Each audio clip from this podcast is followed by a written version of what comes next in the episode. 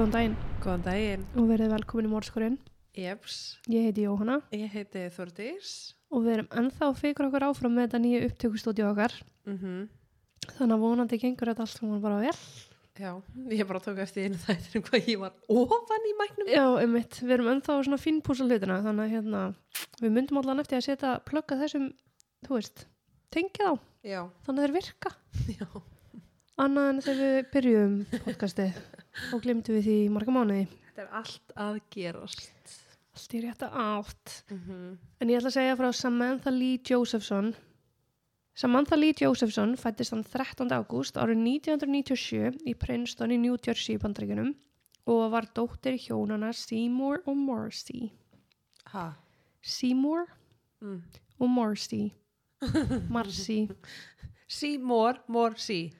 Marcy. Ok. Mm. Samantha var eina af tveim börnum þeirra en hún átti systur Sydney sem var tveimur árum eldri en hún sjálf.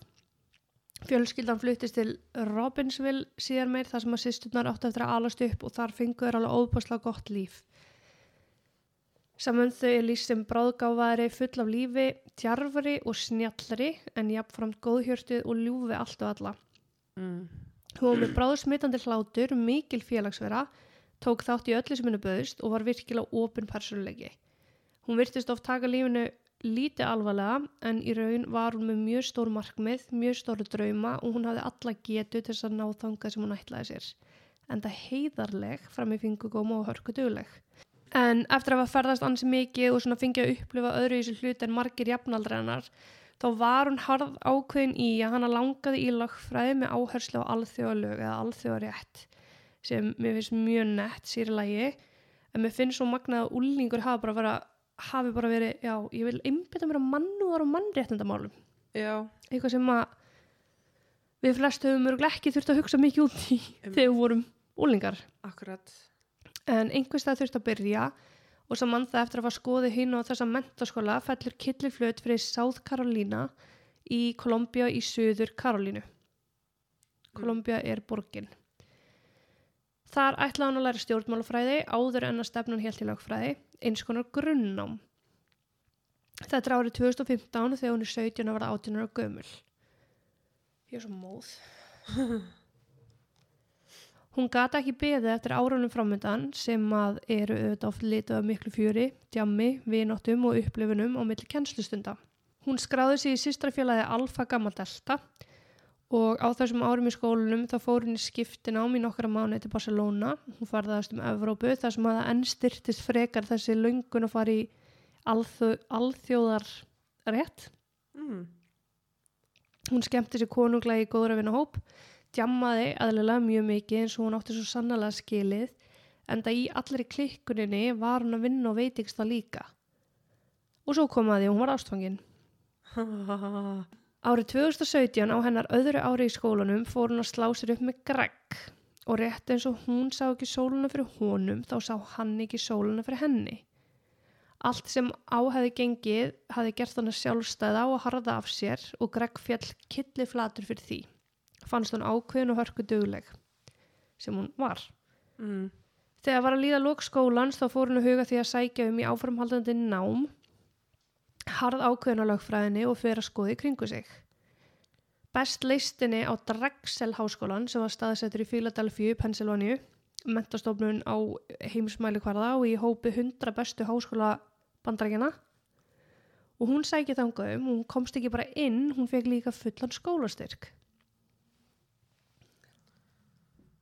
Það var því þarna í mars 2019 sem hún var að horfa fram á útskrift. Lokaprófin voru næsta leiti og allir hennar draumar við það að fara að rætast. Eitt áhyggjamnið hafði verið hvað myndi verða um Greg. En á milli Columbia þar sem hún gekk nú í skóla og Drexel voru 989 km eða 10-12 tíma akstur, korsi meirinni minna. Jétt. En það voru engin vandamál til í þeirra sambandi, bara lausnir. Greg ætlaði bara að flytja líka, fá sér ykkur að vinnu og geta verið eins nálagt saman þó hann mögulega gatt. Þau voru nú þegar að reyna við hálgjart fjarsamband en hann bjó orðið í sínum heimabæ Charleston í South Carolina Mm. og hittist þau bara þegar tækifæri gáðust sem var ekkit allt og oft. og ekki hafði það haft neina áhrif á þeirra samband eða þeirra drauma saman en þau ætluðu vist bara að gifta sig fullt af bönnum Ok, hvað þarf til hann drapana eða? Nei, ok, það leit allt út fyrir alltaf smetla þetta virtist allt saman vera bara skrifað í skíin það var svo í prófatíð 2019 sem að Samantha og vinkonur hennar ákveða að taka sér smá pásu frá bókunum til að fara aðeins að skemmta sér blása aðeins lífi í grautfúlan raunverulegan og þær skella sér út mm. Þann 28. mars fyrir vinkonuhópurinn saman í hverfi sem heitir Five Points. Þetta er bara svolítið eins og miðbæðistemming á lögaveginum. Þannig eru veitingstæðir og búðir og það er djamgat á kvöldinu um helgar. ok, Þau byrja í fyrirparti en enda á því að skella sér á skemmtistæðina og það er rúmlega hálf eitt aðfórin á 29. mars sem þau eru mætt á skemmtistæðina. mm. Samantha var búin að eigða svona meiri hluta kvöldsinn síns í að senda SMS á Greg kærst sinn uh, sem að bjóða þarna einhverjum tveimur tímum frá henni og þetta var bara þetta venjulega, ég saknaði henni, ég vildi þú væri hérna með mér, komdu bara núna en þau átti að hittast tjöndum setna. ok, Hún var á yngum bömmir, hún bara saknaði kærasta sín svo var uppteknari að því að tala við hann en að djamma með vinkonu sínum. Það var ekkit alvarlega en það. æ, mér finnst það svo sæ. N- Það finnst þér ekki þórts, Karin, ég var alveg farið með þjóra djammi þegar ég er að senda sindur eitthvað skilabóð sko. En það brýtir síman og þú hefur ekki tækið Já, einmitt. Gúð, svo sætt. Það er samt sætt í þessari Já, scenario.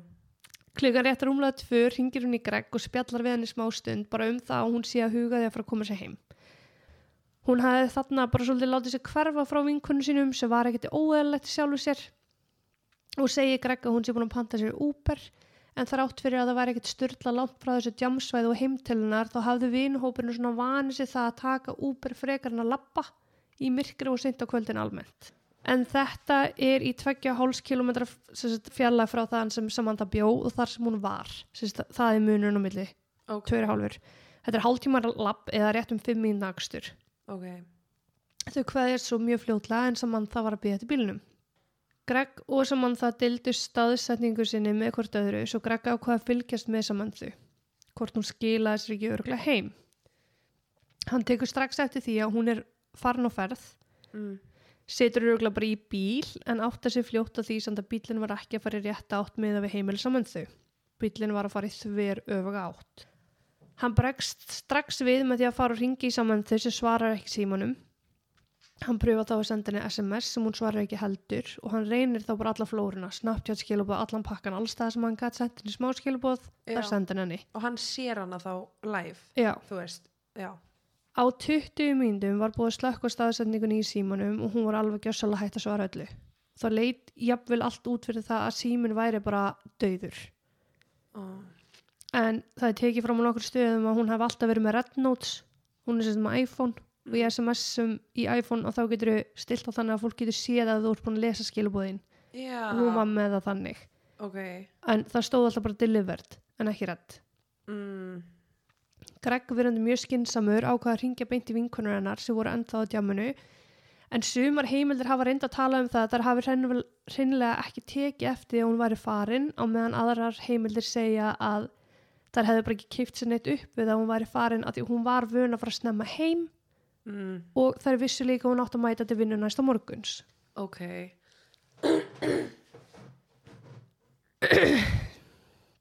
En Greg í það minnst að segja frá stöðunni og vinkonurnar sem voru öllu jafna líka með staðsetningun hennar sem hann þau tjekka hvort það sjáu ennþá og hún sé þú veist með live stað, staðsetningu já. og öll komast þau að því að Samantha var ekki að deila staðsetningu lengur með neinum og staðsetningin hafði stoppað á Montgomery Avenue eða um fjögra kilometra fjallað frá Five Points hverfinu Mm. og tæpa sjö kilometra frá heimili saman þau Ok, þannig að þú- veist það voru tveir og hálfur kilometr frá Five Points og heim til hennar og núna er hann komin lengst út í raskat. Já. allir held í vonuna að Samantha hefði bara skroppað hitt vin eða vinkonu og kvöldi bara því bara líkur. Símin hennar hafði trúlega stórið batterislaust úr því að hún var ekki að opna skilabóð og staðsetningin var ekki virk. Og hérna fara einnig tvær sögur af. Það er talað um það að stelpunar hafa fyrir heim pælt lítið í þessu. Og Greg hafi reynd að halda rósinni og fór að sofa Ok, En það er líka talað um það að stelpunar hafi farið á Montgomery uh, Avenue til þess að sjá hvort þau sæjan eitthvað þar mm. og það er talað um að þau hafi bankað á hurðar og annað til þess að reyna að fá upplýsingar. Já, en það, þú veist það er mjög mismöndi hvernig fólk segir frá þessu hvernig er tólkað í fréttagreinum og annað. Mhm, en morgunin eftir eða rúmlega tíu þá vakna herbyggisfélagi saman þau og fyrsta sem er taka eftir er að það er opið inn í herbyggi hennar alveg eins og hún hefði skilið við herbyggi sitt þegar hún fór að tjama kvöldin áður. Já, hún hafði greinilega ekki komið heim. Vinnufötin hennar voru líka en það heima og vinnuskotnir sem hún var alltaf í og það kveikti á viðvrunabjöldum vinkvennina og það er svona endalega staðfest að hún hefði nú trúlega bara alls ekki skilur sér heim. Mm. og væri ekkit andali í vinnunni eins og nátt að vera heldur. Nei, Það ákveð að ringja í vinnunennar veitingastæðin sem hún átti að vera mætt á og komu þetta í ljós að hún hafði aldrei mætt í vinnuna og vinnufélagar hennar hafa orðað því að það sé mjög óeðlegt. Vinkonunnar ákveði því nú að fara aftur til Five Points og hálfpartin leita að sem hann þau, fara líka þar sem að staðsetningin var síðast og ekkert sáuðu þar. Ekkert sem að kom samönd þau við, auðvitað var fullt af hlutum þar. Þegar að Greg vaknaði var hann ekki búin að heyra neitt frá samöndu. Hann fekk í staðin upplýsingar frá vinkonum hennar um það sem hann það væri bara hreinlega hverki að finna. Hann stökti beint upp í bíl og keirði bara til Columbia og ringir í fóreldrar samöndu sem að búi í New Jersey og tilkynniði um hvað sé í gangi. Fóreldrar hennar voru harður af því að þetta var ekki eðlegt, svo þau líka hoppi upp í bíl fyrir utan heimilisitt í New Jersey og bruna til Suður Karolinu sem var í sko 1052 km fjarlægð. shit Svo það var mjög laung og sjálfsagt erfi keisla framöndan að býða frækna hvort að dótti er að myndi finnast. uh og var þá búin hringi lögreglu Nei.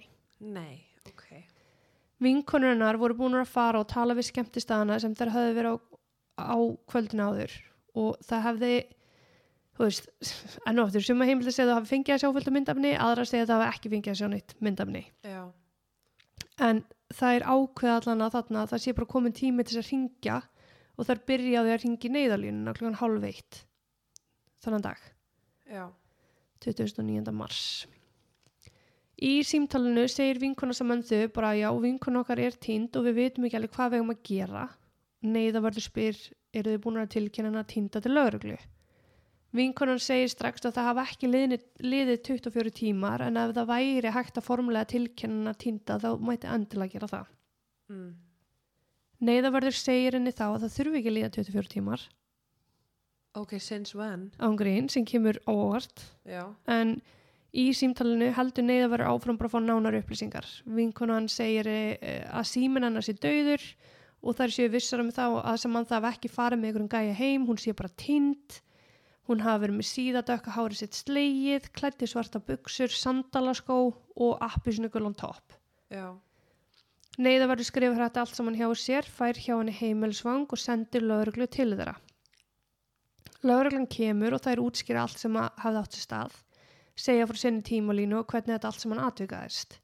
Að Samantha hafi farið dreitt heim og ætlaði að taka Uber, en þeim grunu hún hafi ekki farið upp í Uber og ástæðan fyrir því var svo að í algjörun neyð þá brutust þar inn í tölvunarnar og skoðuðu allt sem maður gátti skoðað.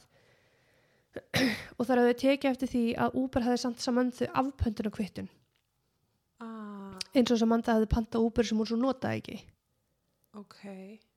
Og það var um þetta leiti sem að hún átti að fara upp í Uber samt. Þar sögðu frá því að þær hefði gert sína eigin leitarnum morgunin og reyndi að hafa upp á einhverju og fengu greinlega að skoða einhverju upptökur og þess vegna hafi byrjað að leita í kjölfarið. já, Lauruglan setur sér í sambandi við Greg kjærasta Samönthu sem var þarna komin og var í five points að leita sjálfur en þau hafa einnig sambandi við fóreldrar Samönthu sem voru á leiðinni til þess að leifa bara fóreldrarnum að fylgjast með stöðumála. já, Greg var tekin á hann skísla og hann eins og vinkunum sem önn þau höfðu farið á veitingastæðin eða staðin sem þau höfðu verið á kvöldin áður og reyndi að komast einhverju sjálfur þá voru bara allir að reyna sitt allra besta. mm, Lauruglan fyrir þetta strax og farið að skoða eftirlitsmyndavelar og saman það sést talandi í síman fyrir utan staðina og hún er í símanum almennt eitthvað svona að býða eftir bíl, gengur upp á nokkru bílum og átta sig á að þetta sé ekki í úbúrin hennar. Þanga til klukkan 2.09 þá sest hún upp í svarta Chevrolet Impala bifreið. Ok. Og það er bara eitthvað randa bíl. Já. Af pöntunin á úburnum sem hún hefði pantað hins vegar átt að vera dökkur eða svartur Dodge Charger bíl. Ok, er það eitthvað sem að fullt fólk og fólk sem þekkir ekki bíla þekkir munin á? Ég held einmitt að, að keywordin er að báðir bílar eru dökkir. Já. Þú ert bara að leita að dökkum bíl. Ég er að segja, ég myndi ekki þekkja munin á því. Nei. En það er nokkuð ljóst bara strax að Samantha hafi sest upp í vittlisam bíl. Mm. Lögregla skoðar þetta nú nánar og vinkvenna sem önn þau tóku málinn í sinni eigin hendur og með hann og fara bara banka á heimilum fólks til þess að sjá hvort það sem hann það sé þar. Ok. Lögreglan er að kanna þess að Chevrolet bifrið í öðrum myndbandsupptökum og sjá þarna að bílinn er eldra mótil af bíl, árgerða bíl og bílinn hafi að minnstakosti 15 mínútur verið að keira upp og niður þessar götu sem að Samantha lokum sest upp í bílinn. Ok, skrítið. Já, bílinn hafi verið lagður á hinum á þessum bílastæðum og aukumæðurinn svona frekar ábærandi kannski ekki átt neitt erindi þarna nema bara það sem á endan kom fyrir. Sem var það alveg tilviljun. Á, já, það var hún veist. skilur, já. Lögregla ákvað því að senda tilkynningu til almennings að vera með augun opinn fyrir dökkri Chevy Impala vegna mál sem þeir voru með til rannsóknar. Starfsfólk á Vendís hafði síðan mér samband og sögðust hafa afgreitt mann á dökkri Chevy Impala bifreið og þau hafi tekið eftir því að aftursætið hans var meir og minna þaki hvítu lagi. Oh, ok. Þetta ítti laurugli áttina því að skynsalegt væri kannski að stöðva bara allar slíka bifræðir á sæðinu til þess að leita sér allan vafa og var því markmiði nákvæmlega það. Það var svo klukkan rúmlega fjögur þennan dag, 14 klukkutímum eftir þess að mann það hefði stegið upp í þennan bíl sem að tilkynning til New Sion laurugluna best. En New Sion var í um 105 km fjallæð frá Columbia. 100 og... 5. Ok. Þar voru tveir kalkúna veiðumenn á veiðum þegar þeir gengu fram á lík ungrar konu. Líkið var verulega illa farið, alblóðugt og atað í drullu líka. Líkið höfðu þeir séð út í runna á fáförnum vegi sem þeir samt sem aður höfðu þurft að ganga til þess að komast á þessa kalkúna veiðar. Pældi því hverju líkurnar. Bara svona litlar. Já. Lögreglan kom á staðin í srætt og mögulegt var sem var ekki fyrir tæpum sko tveimu tímum síðar. Mm. Vettvangur var trúlegast ekki morðvettvangur en lítið blóð var til staðar með að við sjáanlega áverk á líkinu. Trúlegast hafði unga konan verið myrt annar staðar en flutt þangað og vettvangur leit svolítið út eins og bíl hefði stöð út í kanti, leikið, líkið út og dreigið það inn í þessa runna til þess að fela það. Ok. Og bara keirti burtu. Já. Á vettvangi átti eftir að finna síkaretustöpar og bjórdósir á samt umslægi. Lögreglan í New Sion hefði fengið veður af hvarfi ungra koni í Kolumbía og óskaði eftir nánari upplýsingum þar sem að lýsinga á ungu konni frá lögreglunni þar. Mm. Konan sem fannst var nefnilega klætt í appisningunan ból, svarta buksur og svarta sandala og að með dögt sítt fallet hár. Oh. og það leit allt út fyrir það að líkið væri af henni 21 skamlu saman það. Líkið var flutt til réttalæknis þar sem að krupning var framkvæmt og Jésús Kristur. Langa með að vita áverkana. Hey. Það fegst auðvitað staðfest að raunverulega væri um að ræða saman þau Já. og hún var mjög illa farin. Hún var marinn frá toppi til táar. Á hana vantaði flesta neglur sem var talið vera uh, varnasár. Varnarsár. Já, Þú ert að verja það mikið að naglunar uh, ripna af. já. En Samantha hefði verið stungin oftar en 120 sinnum. Oh, shit. Krupningalæknir eða réttalæknir gata ekki sagt nákvæma tölu því að Samantha hefði verið stungin sí endutekið á sömu svæði á nokkrum stöðum og var hún með mjög svæsin sára sérstaklega efri líkama.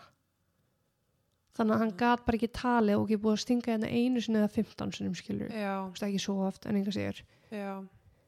Samantha hafði einnig verið stungin í gegnum hægri lófa sem er klassíst varnasál og talar sínu máli líka að árásin hafi verið virkilega gróf. Oh, shit. Hún var með stunga áverka í andliti, á hálsi, öxlum, bringu, baki, í gegnum lungun og fótum og höndum. Þá hafði árásum mannunum tekist að skera slagað í hálsi í sundur og stungi hneipnum í höfuð á henni með svo miklu afli að hnífurinn fór í gegnum höfukúpuna og langt inn í heila. og ég bara er eitthvað að vita hvort það, þeir áverkar voru fyrir eftir andlát Mm, sko, áverkanir í sjálfu sér valda svo miklum blóðmissi mm. að þessi 4-5 lítrar blóði sem við erum í líkamannum okkar, öll jafna, Mm. þá eru 20 millilitra eftir því saman þau, oh shit, ok sem er rétt rúmlega matskeið af blóði. ah. og auðvitað getur fólk ekki lifað þannig Nei. Nei. En réttalæknir taldi að saman það hefði lifað í 10, 15, 20 mínútur eftir að hún hafi hlotið allar þessi áverka. alla Af því það er blóðmissirinn sem að endalega verður hann að bana, sko. ok, þannig að hún var basically já, sem sagt hún var ekki látin í miðjum átökum hún var, Hún, á einhver tímpúndi vona ég að hún hafi mismæðutund, sko. já oh. En, en náttúrulega að fá stungu í heilan, já, hann náttúrulega tekuðu út en það slekkur ekki á öllu, öllu lífarakerfinu, sko. mm. Ekki eitt og bingo, sko. nei, ekki, ekki þessi áverki en vegna áverkana þá var valið tekið af fóreldrum sem ennþu að fá að bera formulega kennsla á hana en þau hefði ekki fengið að vita að dóttir þeirra var látin fyrir en þau komu á áfangastað og það bjargar eiginlega að þau leggja af stað um hádegi lauruglan fær tilkynningu um að líki finnist þarna rúmlega fjögur en lauruglan er ekki komin svæði fyrir um 6 um kvöldið mm. Þannig að þegar fóreldrarna eru loksins komnir til hérna Kolumbía að þá eru þau farin í herbyggi þar sem þeim er tilkynnt að lauruglan sé nokkuð sannfærðum að saman það sé fundin en þau get ekki búið kennsla á hana. og pælti þau þau eru að keira hana til þess þú veist, að fara á leit af dóttur sinni Mhm. með þá von um að hún muni finnast Nákvæmlega. Á meðan fóreldrarnar höfðu verið að keira sagt, til Kolumbía þá hefði lauruglan verið í einhverju samskipti við þau. ok, og þau hefðu meðal annars óskað eftir því að þau myndu komast um bankareikninga saman þau. Fóreldarnir eru auðvitað með, eðst, í þessu tilfelli með fullan aðgang svo þá þetta að ganga mjög smurt fyrir sig sem betur fer. mm. Þá komu auðvitað í ljós að einhver hefði reynd að gera marga tilraunir til þess að nota kortið í tveim mismunandi hraðböngum. Annars vegar í einum hraðbanga rétt við 5 points, rétt fyrir klón 6 um morgunin sem að saman það kvarf Mm. og svo aftur rétt fyrir 7 þá hálfa leiðina þangar sem að lík saman þau síðar finnst. ok Hinnum grunaða hefði ekki tekist að taka út pening samt. En það góða yfir hraðbanka eru jú eftirlitsmyndaðilar já, og laurugla fyrir beinti að fá þau gögn. en hvernig þú veist ef að viðkomandi náðu ekki taka út Mm hvernig kemur samt svona ping reynd var að nota kortið hér Já, það verðist að vera eitthvað svo leis. já, Eitthvað svona alarm að þessi vera að reyna að brjótast hann á eitthvað. já, Já. því, já, ég bara hef aldrei heyrt að því að þú veist Nei, hann er alltaf ekki svona fullkomi kerfi hérna á Íslandi, sko. mm. Kortin hérna gleipa líka bara, nei, hraðbankin hérna gleipa líka bara kortin. ekkert eðlilega pyrrandi Ógesla pyrrandalendi. já, líka sérstaklega þegar þetta er þitt kort Já. En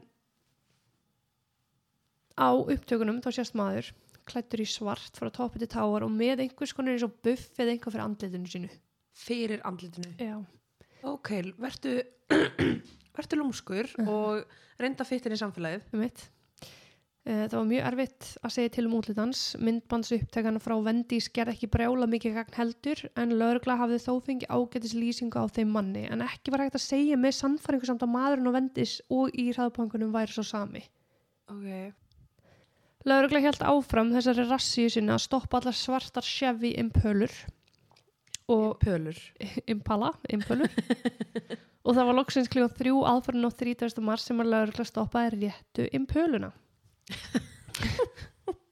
ok, Laurugla hafi keirt á eftir svörtum bíl Impölu og ákveða stöðvan í almennt eftirlit vegna aðstæðana. mm. Undir, satt, undir stýri satt maður sem var frekar óörugur skrítið að hann sæti undir bílnum að keira Lögreglumærin sem að gefa svo tal við aukumannin gegnum bílrúðuna er sem með bílrúðuna niðri byrjar á því að byrja um aukuskýrtinni sem hann er ekki með, sem er ítla séð. Svo finnur hann starkara grasleikt og spyr bara hvort að hann hafi verið að reykja gras. Mm. maðurinn svarar að hann hafi reykt fyrr um daginn og að lögreglan til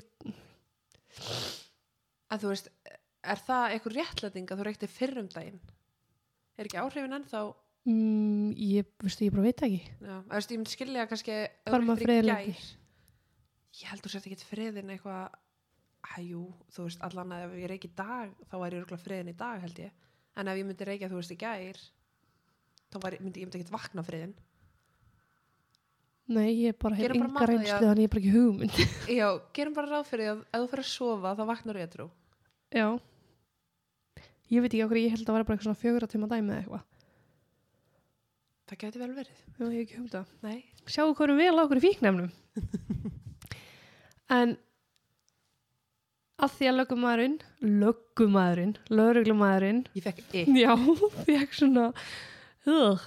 en að því að hann finnur svona starka grasleikt og spyr hann bara hver er ekki gras maðurinn svarar hann að við reykt fyrir um daginn. Og lögreglan tilkjörnur hann þá að hann verði þá að standa upp á bílinum og ræða við lögreglumennina. Mm Maðurinn gerir það ekkert mál en er með hendur í vössum þegar hann stigur út úr bílnum sem að lauruglu leist eðlilega ekkert á og byður hann því um að taka hendur upp úr vössum.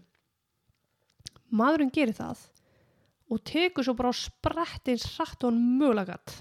ó, ok Lauruglan kallar á eftir hann um að þeir komi til með að segja hundum á hann ef hann ekki stoppar og þetta endar þetta bara á einn veg að hann er handtekinn náður honum Já. Já. Og þessi maður undir stýri var Nathaniel Rowland, 24 ára, gamall, ég skrifaði 24 árs. vá Þetta er orðið ríkilega vant hjá mér, það er orðið ansi margar svona villur. en hann var 24 ára gamall með sögum alls konar glæpi en mest þjófnað og skjalafals en líka alvarlega ásökun um hann hafi ásamt vini sínum neitt konu inn í bíl einhverjum mánuðum áður Sest, hennar eigin bíl og þeir fylgdu eftir og neitt en að þessi færi hraðbanga fyrir sig. Ok Hann bjó í New Zion, sama bæ og lík sem hann þau fundist. já, veist ekki vera ekki vera tilviljun ef ég á að vera hreinskilin af því að þú varst að byggja málið mitt Já, einmitt. Lögregla var því svona nokkuð vissum að vera með réttan mann en þetta átti saman eftir, vá, þetta átti eftir að fást endalasta fyrst þegar lítið var inn í bílinn. það var greinlega ekki dagur í íslenska tungu hjá þér. Nei, sannarlega ekki. Inn í bílnum fundust hreinsifurur, klórubrúsi, sóthreinsiklútar, rúðusbrey en líka rose gold iPhone sími. Ah, sem var eins og sem hann það hefði átt. Bleik líkla kipa eins og sem hann það hefði átt ásamt því að það fór ekki fram hjá nokkru manni að skottið og bílinn var á alblóður. Ok, uh, fyrstulega hafði gæin ekki þrifið bílinn? Já, hann var búin að setja hvítt lag í þetta sko. Já, hvítlag, blóðleikur í gegn og gerir. Já, hann alltaf var búin að gera eitthvað ráðstannir þess að það er eitthvað að minna af því. Mm. en við nánari skoðum með viðandi tækjum og tólum þá kom í ljós að allt aftursætið uh, þú veist, afturpúðarnir aftur, uh, sæ, aftan á sætunum fram í. Já, þetta var allt saman út af þetta í blóðu blóði uh, sem hann að Daniel hefði reynd að þrýfa ok ein spurning að þú myndist án og bíl áðan. Já. að lörglun hefði séðan. Já, akkur tjekkaður ekki á hann þá? Ha, þú sagðir á hann eitthvað, já það var bíl og það var la, hvítlag í skottinu þeir, og að þeir þurftu að finna bílinn skilur það var, það var ekki löggan sem sagði að Vendís veitingastæðurinn hann kom í lúuna þeirra.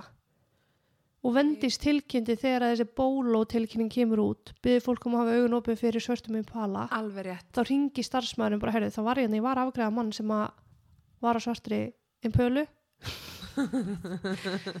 Með hvítlag í aftursætinu. Já, já, já, já, já, ok.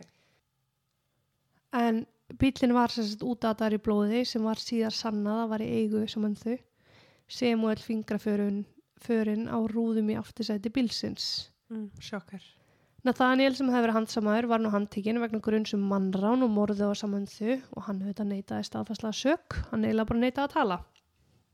Ah. Kærastan hans var tölvöld málglæðari en hann samt. En þessi kærasta hefði komist eh, til tals hjá lauruglu eftir að umslæð með heimilsvangi hennar og nafni fannst inn í bílnum hans. Ah, Laurugla hefði flett upp nafninu og komist að tengingunni þannig. Sko, á sumu stöðum við talaðum hún að vera með þegar hann er handtekinn en það er myndbandaði og ég sé ekki nokkurt mannin í bílnum með honum sko, en ég er kannski ekki svona störblind. ok En það fæst allan að sanna tengingin þeirra á milli mm. út af þessu umslægi sem að nafni hennar er á og heimilsvangið. já, já, já En Nathaniel hafði verið heima í henni kvöldi sem að saman það kvarf. En hún hafði sopnað og svo vaknaði um nóttina og hann var hverki að finna. Hún fóð bara aftur að sofa, vaknaði svo fyrir vinnu morgunin eftir og Nathaniel var ekki andkomin heim. mm. Þegar kæristan ringir í hann og spyr bara hvað ertu og hvað ertu búin að vera, þá segir hann bara að það kemur ekki við. En hann kemur þó að sækja hana og er með fötin hennar, vinnufötin hennar, en réttir henni þau öll rennandi blöyt. það er svo dónalegt Hvað? það kemur ekki við Ógesla, ógesla fokkin dónulegt. já, Ógesla dónulegt. ég ekkert eðlilega sko, ég bara, ég, ó, ég bílast segðu fyrir ykkur, ég get ekki rætta eða eitthvað. já, eða bara ég var út í búð Já, göngutúr, eitthvað, einmitt.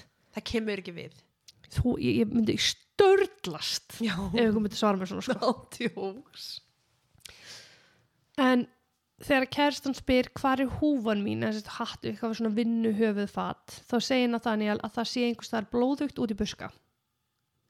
ok, Þegar hún spyr af hverju, hvað heldur hann hafi sagt? það kemur þér við einmitt. ó, jésús Hún horfði svo upp og hann þrýfa blóðugan hníf í vaskinu minn og heimilin hennar.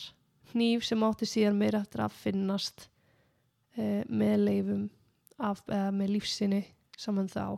ok, sorry, ég er ekki að þú veist, bleima einn eða neitt en dattinni ekki eina sekundi í hug að bara eitthvað, hm kannski ég ætti að tilkynna þetta Ég held að hún hafi verið skítrætt.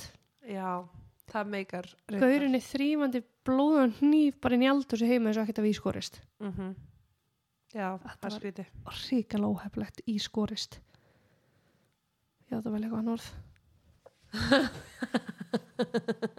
ég fatt það Maður er ekki alltaf orðheppin. er þetta eitthvað í maður mér? Það sem það sem átti einnig eftir að finnast voru blóðug föt í ruslatunnu. Nathaniel var samt sko klættur í sömu föt þegar hann kom heim um morgunin og hann hefði verið í þegar hann var hjá henni um kvöldið. Þannig að hann hefði bara hoppað í önnu fötum myrt og svo bara komið eftir og farið í fötin. Ok. Mér finnst það einmitt, þú veist er það ekki einbytti brotavelið eða? það er sem ég er að segja, en líka bara sko, að því mér finnst þetta að vera svo mikið tilviljun hann vissi ekki að hún væri að fara að lappa upp í bílinn hans. Nei, hann vissi ekki að þú veist, þetta væri að fara að gerast í rauninni. En hann er samt búin að keira hann upp og niður, leggja hann hjá. Mhm. hvað ætlaði það að gera? Þú veist, ok, mögulega ætlaði hann einmitt að finna einhverja konu og ræna peningin hennar. Já, en þú veist, en þú ert með fötir skiptana einmitt. Lítur alltaf út fyrir það, við vitum ekki við vitum ekki nákvæmlega. Mm. Hann bara þægði eins og steitt, saði ekki neitt en þurfti auðvitað að samþekja að tekin yrði af honum hinn ímsu síni Uh -huh. og það komu auðvitað ljós mjög fljótlega lífsýni saman þau fannst undir nöglunum hans. Já, það áttu auðvitað ekkert að vera þar áttu ekkert erindi þar. Nei. Uh, og ekki heldur á blóðu fötunum sem fannst í ruslinu á heimilin hans og kærustin hans. Oh, má ég gíska þetta er eitthvað svona já, ég hitt hann um kvöldi við riðum en svo skildi ég hann eftir og Nei. Ok, Lífsýni Nathaniels fannst einnig á hnýpnum sem að þau fannst á. Mm. en líka lífsýni einhvers annars manns sem að ekki hefur tekist að hafa upp á. Oh, setur vafa á. Á umslæðinu sem fannst á vettvangi þar sem að lík saman þau fannst voru fingra fyrir Nathaniels mm. farsíma gögn töluðu sínu máli allstæðar sem að Samantha hefði verið frá því að stíga upp í bíl í Five Points þar sem að staðsætningin hennar hættir og þar til að líki hennar finnst Nathaniel var á öllum þessum stöðum já, það er engin tilviljun sko. Mm, nei. Þá kom einnig í ljós að hann hafði reynd að selja síman hennar í veðsetjara búð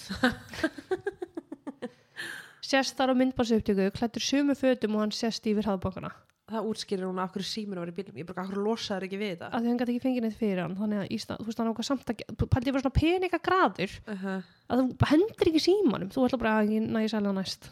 Einmitt.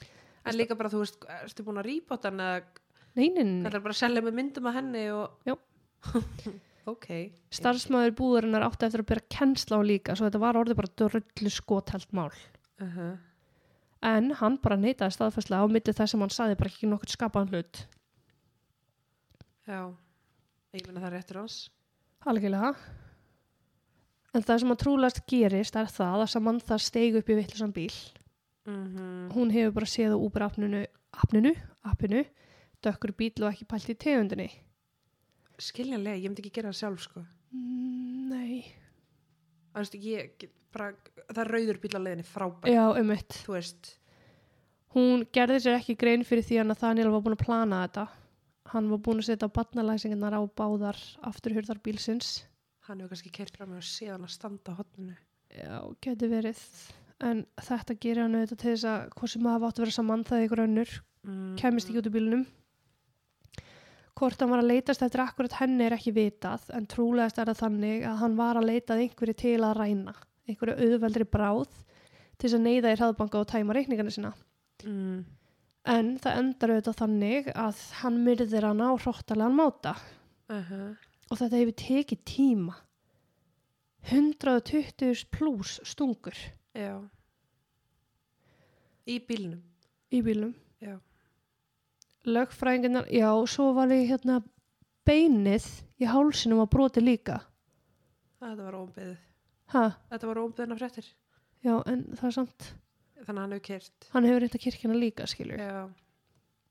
lögfræðingar hans reyndu nú að segja aðra sögu við réttaröldin í júli mánuði í júli mánuði árið 2021 um, þeim fannst það bara ekki full sanna en að Daniel hafa átt ykkur hlutamáli vegna þess að lífsýni annars manns fannst á nýpnum þeir vildu meina að þessi hegðun var úr karakter fyrir Na- Nathaniel vá Nathaniel sem var bara ekki rétt þegar, þegar að koma saksóknur að fara með sitt mál þá komu þetta í ljós að Nathaniel hafði meira að segja kvöldi eftir sem hann það er myrt aftur verið komið fyrir utan skemmtistæðana trúlegist leit annari bráð Jésús. hvort sem það var til þess að myrða að ræna? Já. aðstæðum er líst eins og ég nefndi að Samantha bara rugglaðist á bílum. Hún bara settist upp í vitlisam bíl og það sem hefði átt að gerast var þann að Daniel átti bara að segja herra fyrir ekki að þú er bara í röngum bíl. Ég er ekki úber hann átti ekki að vera búinn að setja barnalæsingar á hurðarnar og keiri burtu með hana. Mm sjálfsagt hefur Samantha haldið að hún væri í réttum bíl alveg þangað til hún átti að segja á því að hún er, hún er á leið þegar öfuga áttu heimili sitt Já. sem er svo skelfileg tilugsun, þú veist, hvenar ætlan hafi tekið um hnífin og hóta henni Mm hvenar sá hann að hótanirnar kem ekki til með að duga Já, því einhver tíman náttúrulega þegar síminn hennar hættir. já, það er þetta 20 mínútur Já. þannig En að eitthvað gerist Já, því ég hugsa sko á svona 20 mínútum frá því hún sest, eh, sest upp í bíl og það er til að sláttur á símanum. Mm Ég held að hann hafi bara frá byrjun kotið með símaðin vegna þess að hún, veist, hún hefði getað verið með síman og bara, bara Hjálp. hjálp já, Já. Kviðdóm fannst málið skelfilegt líka því eftir bara klukkustunda umhugsun var niðurstaða í málið komin mm. en hann var auðvitað dæmdi sigur í öllum ákjörlegum fyrir mannrán morð og fyrir að nota hættulegt vopn í glæp já, var, var ekkert með að hann hafi reynt að, misnótana, nei, ræna hann að kortin hennar, ef þú veist. nei, En var einhver kynferðislegt? nei Nei. ekki talað um það sko ok. áður en að dómusuppkvæðning var þá fekk fjölskylda sem um það að segja nokkur orð Mamma talaði falla um dóttir sína og hún syrði að geta ekki fengið eignast batnaböld, sjá hann að útskrefast, gifta sig og njóta lífsins. Mm. Hún sagðist vakna upp við martraðir flesta nætur og henni finnir skelvelegt að vita til þess að dóttir sín hafi látist að því einhver lúsir hafi ætlað að reyna að ræna af henni 35 dölum sem hún átti inn á bankabókinu sinni. Sem mjög skall. Emmett, var þetta fimm úrskona verði? Nei. Nei, hún sagðist ekki geta loka augunum án þess að finna upp, bara að finna og upplifa og sjá hvað dóttarna hefði þurft að gangi gegnum. Ferð fóreldrennar saman þau til Kolumbía átt að vera í mæ til þess að sjá hennu útskrefast en ekki í mars til þess að pakka niður dóttarinnar og leysa út líkanar. Guð, ég held í smá var fyrir að segja pakka henni niður. Nei, til þess að leysa út líkanar til þess að jarða hana heima í New Jersey. Mm. Hún sagðist einungis geta vona það að dóttir sín hafi fundið fyrir látnum ástunum taka á móti henni þegar að hún lokum lést og ég eru þetta að stikla svolítið á stóri þetta var náttúrulega heilmikil ræða sem hún fór með sko. Já, og mér finnst alltaf svo ógeðslega átakalegt að horfa á fóreldra ég get það ekki sko tala ég yfirleitt sleppi, ég reyna að finna transkriptur á netinu heldur en að horfa á þetta sko. ég, Mhm. bara, ég get ekki að horfa á fóreldra mm sem að upplega svona sorg sko. nei, Pappinar stóð upp og sagði öllum sem að sátu í dómstælnum að oftar en einu og oftar en tvísvar þá hafa hann íhugað að fyrirfara sér til að flýja þennan óbærilega sásöka sem Ó. hann var að eiga við eftir að mist dóttur sinna þannig máta. mm. Hann var bugast og samvinskupiti að hafa ekki getað að venda dóttur sinna en hann varð að halda áfram fyrir eiginkonu sinna og Sidney, sýstir saman þau. god Hann segist heyra í dóttur sinna öskra og heyra í henni taka sinn síðasta andadrátt. ég get alveg ímyndið mér það Já. Þá sagðist hann hata Nathaniel meir en allt og kallaði hann dýr. Og einmitt svo er þau líka bara að setja út á það að hann hafi eitthvað réttindi þegar hann braut svona svakala á réttindi annara. Mm. En fjölskylda saman þau óskuðu eftir þingstu refsingu og meðan fjölskylda Nathaniels óskuðu eftir vægustu. Mm Mamman sérstaklega þótti ekki full sannað að sonur hann að væri segur. nú, hver þá, segðu mér það Ég, ég get ekki... Finnst manni börni sín svona fullkomin eða? já, en líka bara, þú veist sko, ég skil ótrúlega mikið aðstæðendur að þau eru náttúrulega líka að missa Að sjálfsögðu. já, þú veist, og þetta er þú veist, það eru reyn tvær fjölskyldur sem að syrkja á þennan máta Mm. mismunandi Mm -hmm. vegna þess að, Og náttúrulega tvær fjölskyldur að missa, að að missa.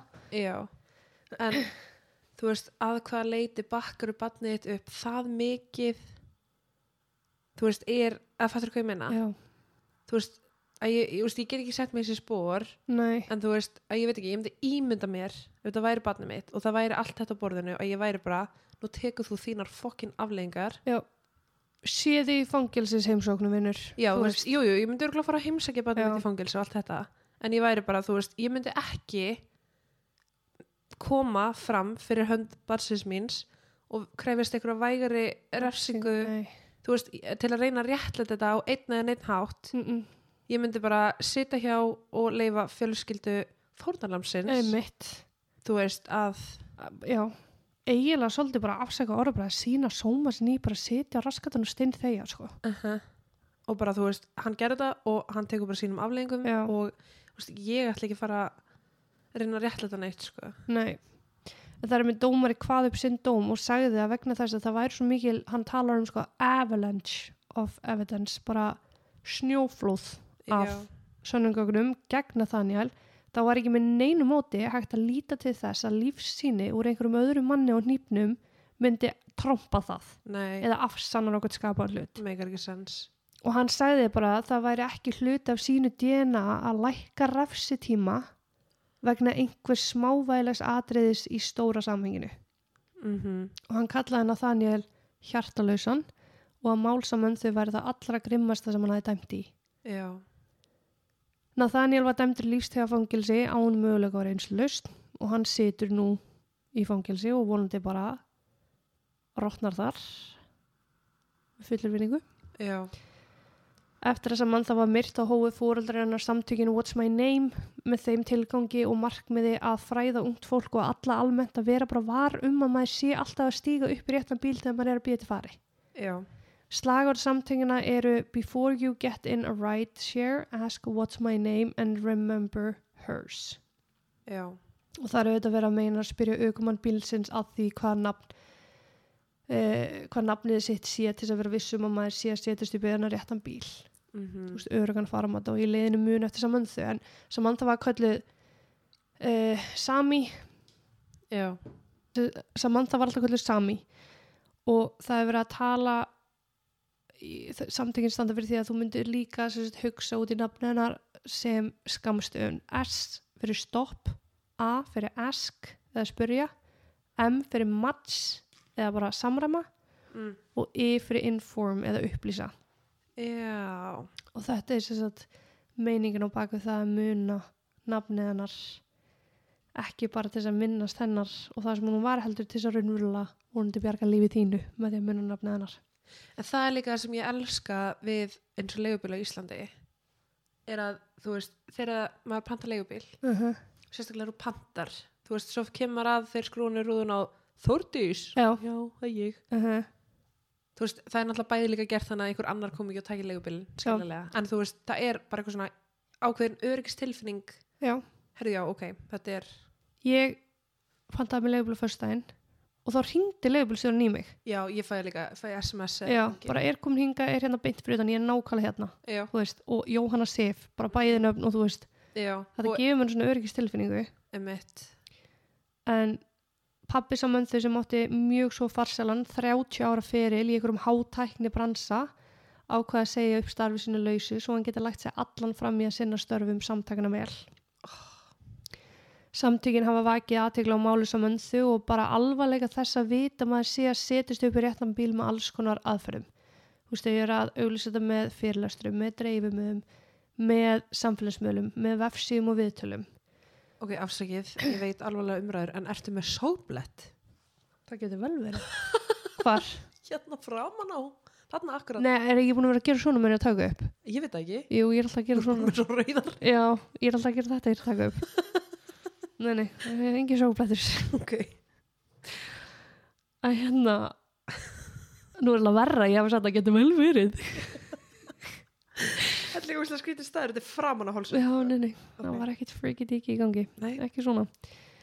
Samtökin hafa vakið aðtegli víða en stóru vörumerki bandarækjunum styrkja með háum fjárhæðum mm. samtökin til að mynda Walmart og með þessum styrkjum þá tekst samtökunum ekki bara útbúa frábært fræðslefni heldur líka styrkja önnur samtök sem meðal annars veita ungu fólki skólastyrki í hinn og þessa skóla eins og sem mann það hefði fengið.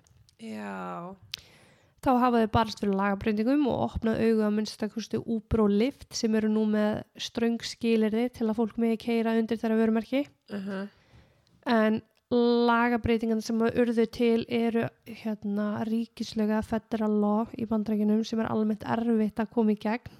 Já, en lögin segja til um það að um, svona rætsér fyrirtæki mega ekki selja logoun sín öðru í sig en að við komum til sé Svo þú getur ekki keift inn á Uber limmið og sett í bíliðin skilur. Nei, eða lift limmið og sett í bíliðin þú þarft að vera skrá. Já. já, og eins hafa fyrirtækin bætt öryggiskerfi sem gífulega með því að neyða aukumenn til að vera með myndra á sér í appinu á samt aukuskýrtinni, það eru hljóðu upptöku kerfi komin í appin núna. Þú getur Já. svo bara ítt á rekordum með orða leðinni og það Mm. þá seifast á database hjá og Lyft en ekki í síma viðkomandi. Já, og þau eru núna að vinna svona innra kerfi sem að bætir öryggi enn frekar. Þetta er ennabla sko að því að þegar ég fór til Fraklands Já, uh, þá vorum við reyndar þrjú Mm. tveir hvern mann og eitt kallmaður sem mögulega betur fer. En þá er sem sagt við fórum á flugvöllunum við vorum á flugvöllunum já. og það er leigublaröð og hún er fárlega löng. Mm og við sem sagt erum hann í leigublaröðinni og það er einhver gæjar sem er eitthvað hei, er einhver að fara út úr París? Já, sem sagt lengra fyrir útkverfin og þá greinlega þú veist og ég hugsaði bara já ok, þeir hann ekki taka stuttaferðir. Mm þannig að þeir eru kannski bara taka fólki sem að fer þú veist í útkverfi já, og ég var að fara í mitt í útkverfi og við bara eitthvað, herði já, við erum að fara hérna að Serris. Og hann bara, frábært, komdu með mér eitthvað lala, og ég eitthvað, ok, og veist og þeir eru á sama stað og allir leigubílar og allt þetta. Og svo, þú veist, löpuð með honum, eldmann hann komin á bílnum hans og þú veist, setust inn og þetta var sko bara, þú veist, það var barnastólana, þetta var bara eitthvað skítuðu bíl, þú veist, það var bara eitthvað þetta, heimilislegt. þetta var bara heimilisbíl, Já. já. Og hann var bara með, sagt, bara síma sinn með eitthvað svona mæli í símanum. Mm. og þú veist, þetta er bara þess, já, einmitt. Og við eitthvað svona ó, vorum, þú veist, bara eitthvað ok, þetta er alveg mm, creepy, en þú veist, við erum hérna þrjú. Já, og þú veist, ok, ekkert mál. En einmitt set, eða þú veist, ímynda mér ef ég hefði bara verið ein og ég er bara, hæ, já, ég er að fara út í einmitt. einu komin inn í bílinn hjá okkur gæja sem bara með eitthvað app þú veist, og appið hans var bara að þetta var ekki neitt tengt nei leigubílum eða Uber eða neitt svo bara eitthvað plug and play hérna, já ok, einu Já. mynda kostar þú tvær veist, það var eurur popp á gólfinu sko. Þú Já. veist, þetta var bara hann hefur bara verið með fjölskyldinu sinna og komið svo og þetta var að þú veist svo var hann bara í símanum all tíman að keira og að ég veit ekki, þú veist, Já. maður svona ímynda sér þú veist, þú gæðin ekki með posa Nei, Þú verður bara, bara pening, kast, skilur. já. þú veist, en maður ímynda sér bara eitthvað hvað það er riski en líka ekki Já. bara þetta þú veist, þetta er, þetta er sko svörtust atvikin það sem að hreinlega einhver deyr en svo er það líka bara tryggingar. Uh -huh. þú veist, menn þurfa að vera með viðandi tryggingar þess að mega keira svona og þú veist, og vera með hérna farþega í bílnum og hérna tilskild leifi og annað já. sem þurfa að vera leið, það er svona til dæmis eins og með skuttlara mm ég á ríkalega með að taka skuttlara já. að því ég er bara eitthvað mm, Sko ég skil ótrúlega mikið þörfina á skuttlurum skuttlurum vegna þess að þú veist, ok, ég til dæmis, ég hef ekki nýtt mér skuttlara til að græða pening, sko. Af því ég, þú veist, ég veit alveg hvað ég bý ég veit hvað það kostar og ég Já. bara, ok ég tek það bara á mig, ég borga þetta. Uh -huh, Ég uh, þarf að komast sneggri þjónast að stundum að nota skuttlara það er það, vegna þess að leið, þú veist, að býða eftir leigubíl nýri bæ. Mm þú veist, þú, þú getur verið sko upp í einn, einn og halvan tíma já, og að standa þarna í leigubílaröðinni ískalt. Já, þegar þú getur actually bara að fara og fengi far og verið komin heim þú veist, þetta er áhætta Já. en er, þetta er bara þægindi skilur við, veist, og ég held að líka mjög margir séu, jú, vissulega að spara sér pening, mjög ódyrra já. en ég held að margir séu líka bara, herrið, mér langar heim núna. Og ég get komist núna á þess að býða já, og þú veist, eins og til dæmis mér veist líka með hann að skuttlara konur já, sérstaklega náttúrulega örugt fyrir aðra konur, já. já, fyrir aðra konur. Að þú veist, nýtt sér það. Ég hef einhvern veginn aldrei upplöðað mig óöruga í leigubílu hérna í Íslanda, þú veist, nema bara að við komum til að keira glannalega eða eitthvað skilur já, ég, ég hef aldrei upplegað með eitthvað. En ég hef lendið í einu sinni bara því ég tók leigubílu einhvern tíma núna um daginn að það voru batnalæsingar á bílunum og mér fannst það fokk óþægild þegar ég var komin fyrir utan heima og ætlaði að opna. Já, og Gauri var bara, ah, fyrir ekki, ég klikkaði þessu á hann það, var, það voru hérna hjón með batn með sér í bílnum og við settum þú veist, ég hefði komist hinum einn út, það bara vildi þannig til ég satt fyrir aftan hann, já þannig hefði ég setið já, já, já, en ég bara, það sökkum í hjarta sko, þú veist, að, að get ekki opnað já. hurðina þegar ég var batnaleysingar hann, hann alltaf bara stökk og fætur og opnaði fyrir mig hurðina og, og ég þakkaði fyrir og veist. það er ekki svo munur eftir síðustu leifbíla ferð og svo andal tíman gamla Gamla á að nutta þessu upp í smetta á mér Já, eins og maður getur. Tveggja barna móðir mökkuðu sunnudegi heldur ég hafi ekki verið þreytt eða?